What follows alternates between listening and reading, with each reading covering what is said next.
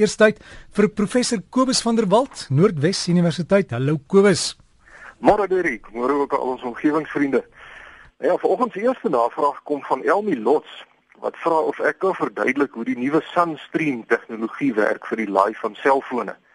Sy sê dit klink vir haar of uh, of dit amper soos fotosintese werk uh, wat 'n plant nou direk van die son af energie ehm um, kry en en dit aanwend. Ja, dankie vir die vraag want dit is 'n belangrike ontwikkeling met betrekking tot die energiedoeltreffendheid van die moderne samelewing. Ek het gou 'n sommetjie gaan maak hierdie uh, om die konteks te probeer kry.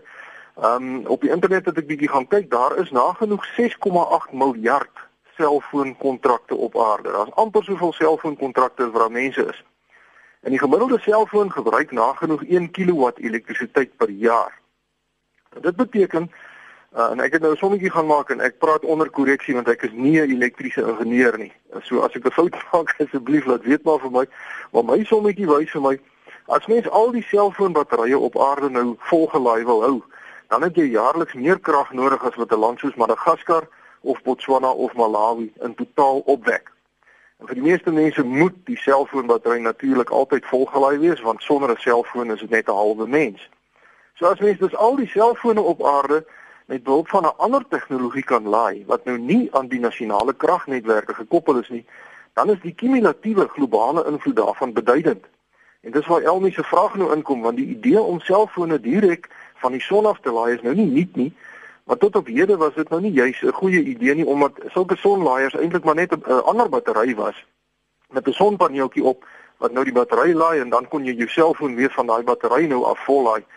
Uh, en dit het nie altyd so goed gewerk nie, maar nou het 'n maatskappy 'n nuwe tipe sonlaaier vir selfone ontwerp wat die sonlig direk omskakel in elektrisiteit en dit dan direk in die selfoon inpomp.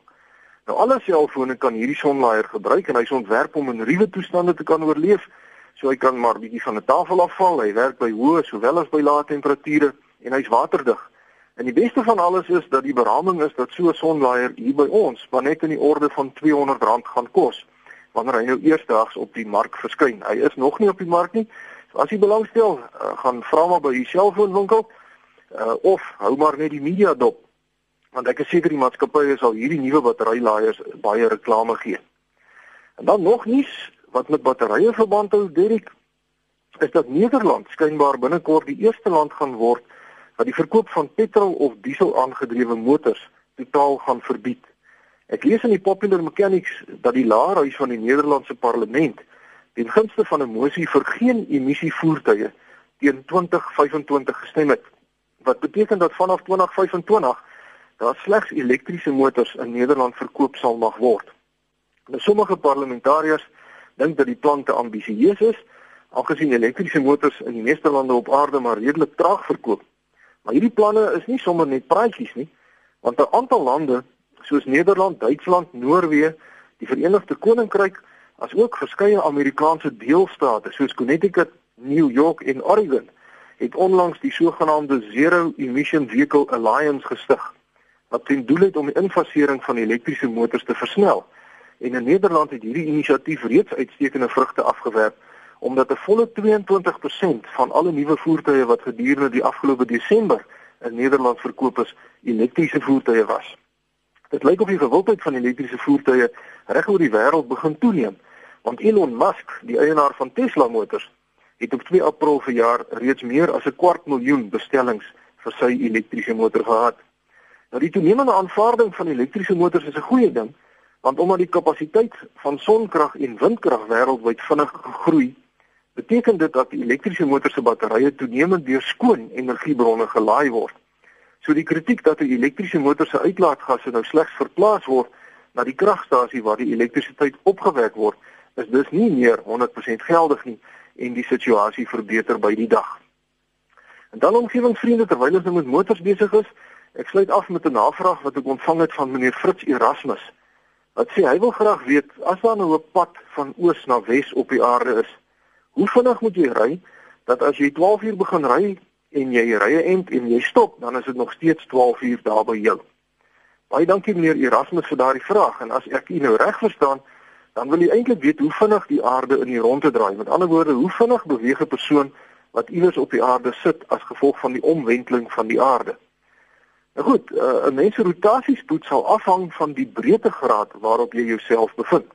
As jy op een van die twee pole sit, dan sal jou spoed natuurlik 0 wees omdat jy net elke 24 uur een keer in die ronde sal draai. Maar as jy op die ewenaar iewers sit, dan beweeg jy saam met die aardoppervlak teen 'n spoed van 1670 km/h van wes na oos. Hier in Suid-Afrika beweeg ons teen omtrent so 1200 km/h van wes na oos.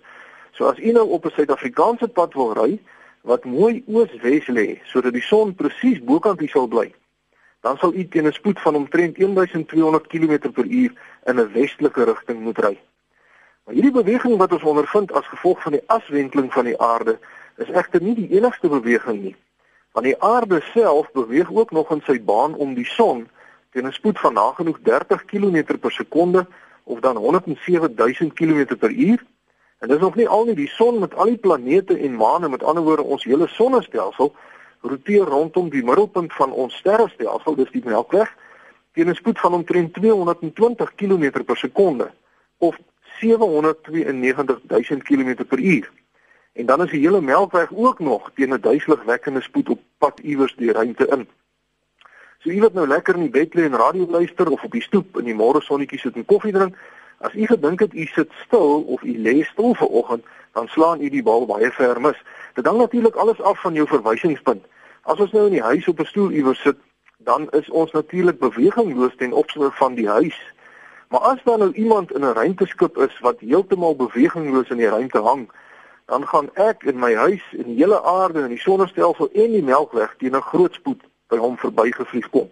En daarmee sluit ek vir oggend af. Baie dankie vir almal wat omgewingspraatjies se Facebook bladsy so gereeld besoek. Ek sien party weke dat meer as 30000 mense die bladsy besoek.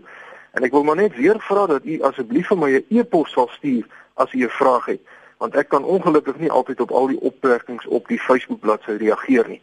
En my e-posadres is kobus.vanderwalt@nwu.ac.za. En daarmee sê ek vriendelike groete tot 'n volgende keer. Vir jou dankie vriendelike groete Kobus en lekker naweek vir jou. Kobus van der Walt, professor by Noordwes Universiteit. E-pos is kobus met 'n k, kobus.vanderwalt@nwu.ac.za. Anders op Facebook gaan soek maar net vir die groep omgewingspraatjies en kry van die inligting daar.